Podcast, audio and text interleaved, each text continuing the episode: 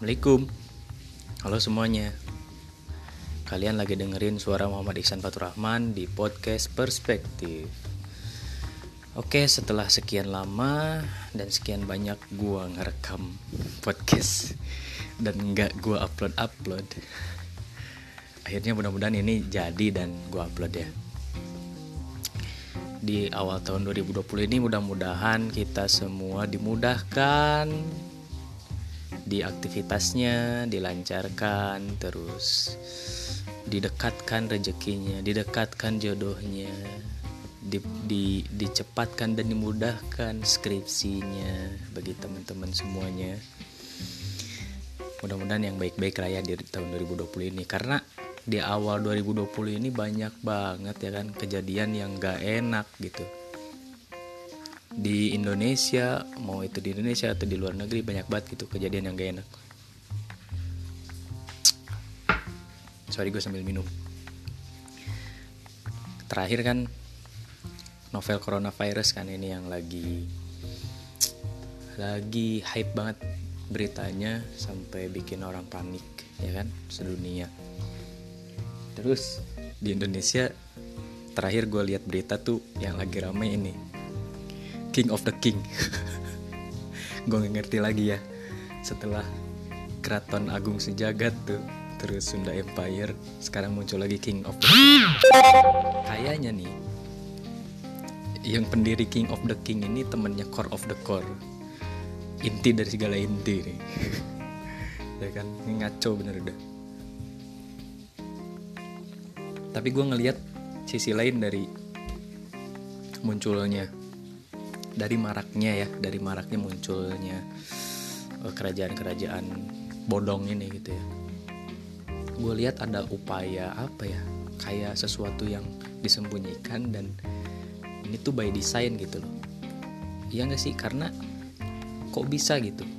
E, dalam waktu yang berdekatan muncul begitu banyak kerajaan-kerajaan palsu dan itu di blow up media. Ini ada apa nih di belakang semua ini apakah ingin meredam gerakan-gerakan tertentu yang akan ada di tahun 2020 ya kan ini gerakan intelijen untuk meredam gerakan-gerakan grass grassroots ini yang bakalan bergerak di tahun 2020 atau seperti apa? Gue nggak tahu persisnya ya. Nah di podcast episode perdana ini gue bakalan ngebahas papernya Norio Robini dan kawannya uh, siapa namanya kawannya itu? Namanya itu Brunello Rosa. Judulnya ini The Making of a 2020 Recession and Financial Crisis. Atau kalau diartikan itu pembentukan resesi tahun 2020 dan krisis keuangan.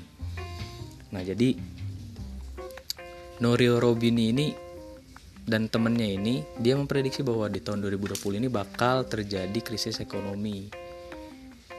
Krisis finansial atau bahkan kalau misalnya berlanjut lebih parah itu menjadi resesi global di tahun 2020 nah tentunya Nori Robini dan kawannya ini nggak main-main dong ya dengan prediksinya ini. Dia nyebutin ada eh, kira-kira ada 10 faktor gitu yang menyebabkan terjadinya uh, apa krisis finansial dan resesi ekonomi di tahun 2020 ini. Di yang pertama itu dia mention ada masalah kebijakan stimulus fiskalnya Amerika Serikat yang mana emang di tahun 2019 kemarin ini Amerika berhasil numbuhin pertumbuhan ekonominya di atas 2% kan. Nah, sedangkan Nuri Robini dan kawannya ini memprediksi bahwa di tahun berikutnya yaitu di tahun 2020 sekarang uh, si stimulus fiskalnya ini bakalan habis dan pertumbuhan ekonomi Amerika bakalan turun di bawah 2% gitu. Itu faktor pertama yang dia mention menjadi tanda-tanda bahwa di tahun 2020 bakal terjadi krisis finansial atau lebih parah lagi resesi global di tahun 2020. Nah, terus di faktor yang kedua dia sebut kondisi ekonomi Amerika Serikat ini sekarang lagi panas-panasnya gitu karena emang di Amerika lagi inflasi tinggi banget gitu kan dan untuk menekan angka inflasi itu maka The Fed selaku bank sentral Amerika menaikkan suku bunga e, federalnya dari angka 2% ke angka 3,5% di tahun 2020. Nah, hal ini memang tujuannya untuk e, apa namanya? untuk menekan angka inflasi kan. Tapi diprediksi bahwa bank sentral di negara-negara lain bakal ngikutin langkahnya The Fed ini untuk menaikkan suku bunganya karena di negara-negara lain pun sekarang kondisinya lagi uh, inflasi tinggi juga gitu di negara Eropa terutama. Terus yang ketiga faktor yang menjadi tanda bahwa akan terjadi krisis finansial dan resesi ekonomi di tahun 2020 ada si perselis perselisihan si Donald Bebek ini nih si Donald Solehudin Trump sama Cina, Meksiko, Kanada, Uni Eropa dan lainnya kan banyak ya. Ini Amerika ini tentang-tentang dia kuat jadi ngajak ribut ke negara lain gitu. Kebijakan luar negerinya Donald Trump kan gitu make America great again aduh jadi dia kebijakan luar negerinya proteksionisme benar-benar ngebergain ke negara-negara lain. Nah hal ini membuat uh, apa ya? Membuat ekonomi dunia ini kata Nuria Robini ini menjadi tegang gitu. Terutama kemarin kan di akhir 2019 pemimpin militer Iran dibunuh juga masih Donald Bebek ini.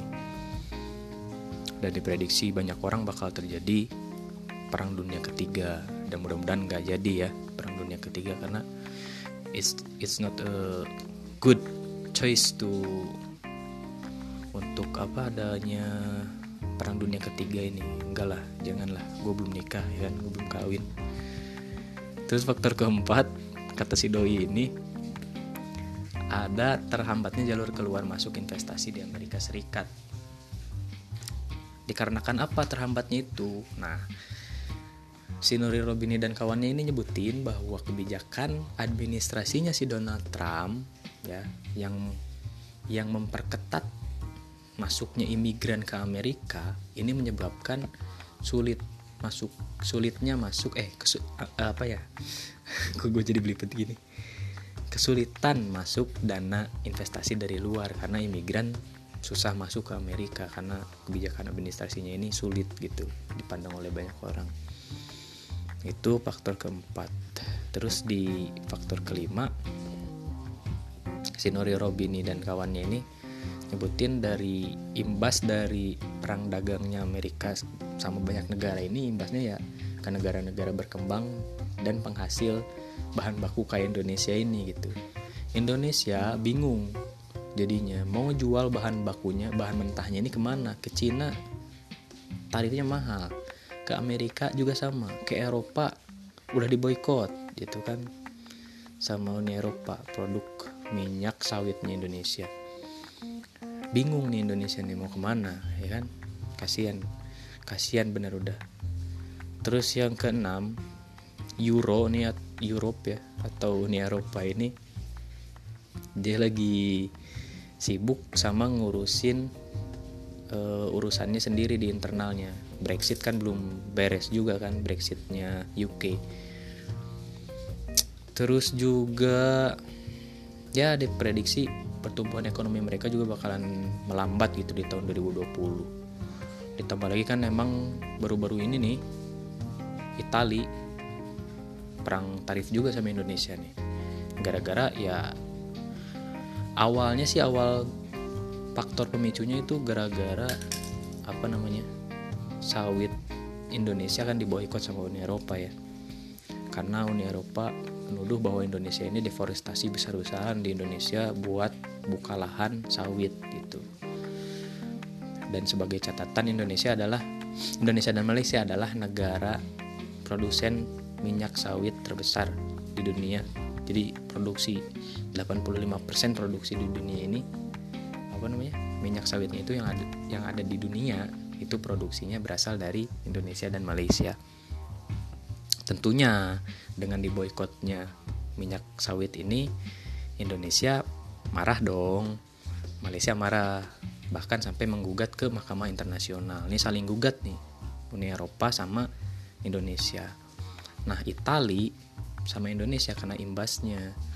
Kemarin itu di akhir 2019 udah ditekan perjanjian kerjasama antara Pertamina dan raksasa migasnya Itali yaitu uh, Eni nama perusahaannya Eni raksasa migasnya Itali udah tekan kerjasama. Sedangkan kemarin baru-baru ini kerjasama itu dibatalkan karena Uni Eropa menekan Itali. Uni Eropa menekan Itali ada poin-poin yang dirasa oleh Uni Eropa ini janggal gitu. Makanya mereka narik narik apa namanya narik kesepakatan ini. Jadi nggak jadi. Nah perjanjian apa sih yang ditarik ini? Nah Eni sama Pertamina ini udah sepakat buat ngebangun kilang minyak ramah lingkungan di Indonesia gitu nantinya kilang, minyak ramah lingkungan ini bakal memproduksi komoditas apa namanya eh, energi baru dan terbarukan EBT ya kan? Dia bakal memproduksi bio bio apa namanya biodiesel biodiesel CPO ya bakal diproduksi di Indonesia sedangkan ya akhirnya kemarin perjanjiannya dibatalkan. Nah terus yang ke faktor yang ketujuh pasar ekuitasnya di AS ini udah tinggi banget gitu udah melambung tinggi. Jadi gap antara harga saham-saham di Amerika dan pendapatan di Amerika itu gapnya udah 50% jadi udah nggak sehat lagi untuk investasi. Nah, terus di faktor yang ke-8 karena harga ekuitas tadi yang naik melambung tinggi banget. Nah, diprediksi bahwa di tahun 2020 ini harga saham bakalan anjlok, mengkoreksi dirinya sendiri. Gitu dan sebelum anjlok lebih dalam, ini para pemain saham ini bakalan ngejual besar-besaran sahamnya secara cepat. Maka akan terjadi flash crash di sana gitu.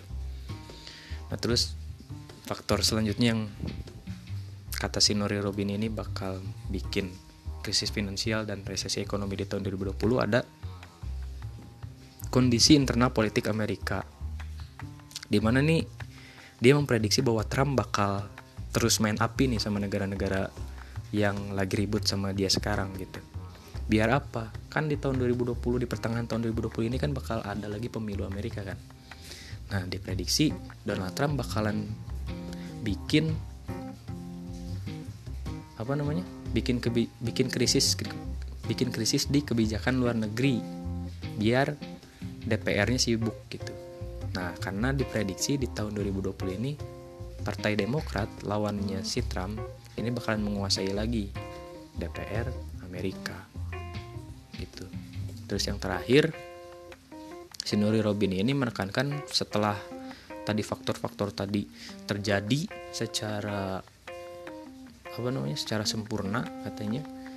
Ini ini bakalan susah lagi nih. Alat kebijakan buat mengatasinya bakalan susah katanya. Pemerintah di seluruh dunia ini bakalan susah untuk menghentikan resesi ini. Dan dia nyebutin resesi ekonomi di tahun 2020 ini bakalan lebih jauh lebih eh, apa namanya lebih parah daripada tahun 2008 karena di tahun 2008 masih mending masih banyak opsi ya baik itu kebijakan fiskal fiskal ataupun kebijakan moneter yang bisa dipakai pemerintah buat mengatasi krisis ekonomi. Sedangkan di tahun 2020 ini pemerintah di banyak negara ini terutama di eh, negara-negara berkembang udah keikat sama level utang yang tinggi banget gitu.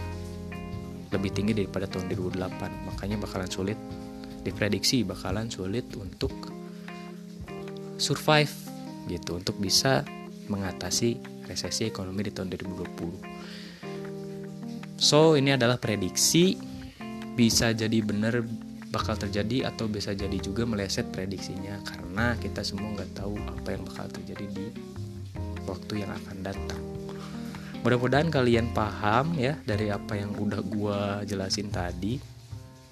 Dan kalau ada yang kalian rasa salah atau keliru atau kurang tepat dari penjelasan yang tadi gue sampaikan, jangan sungkan buat koreksi dan kasih sarannya, oke? Okay? Thank you buat kalian udah dengerin dengerin episode pertama dari podcast gue ini. Mohon maaf, mohon maaf banget ini gue kebelibet-belibet ngomong karena lagi nggak enak nih tenggorokan beneran.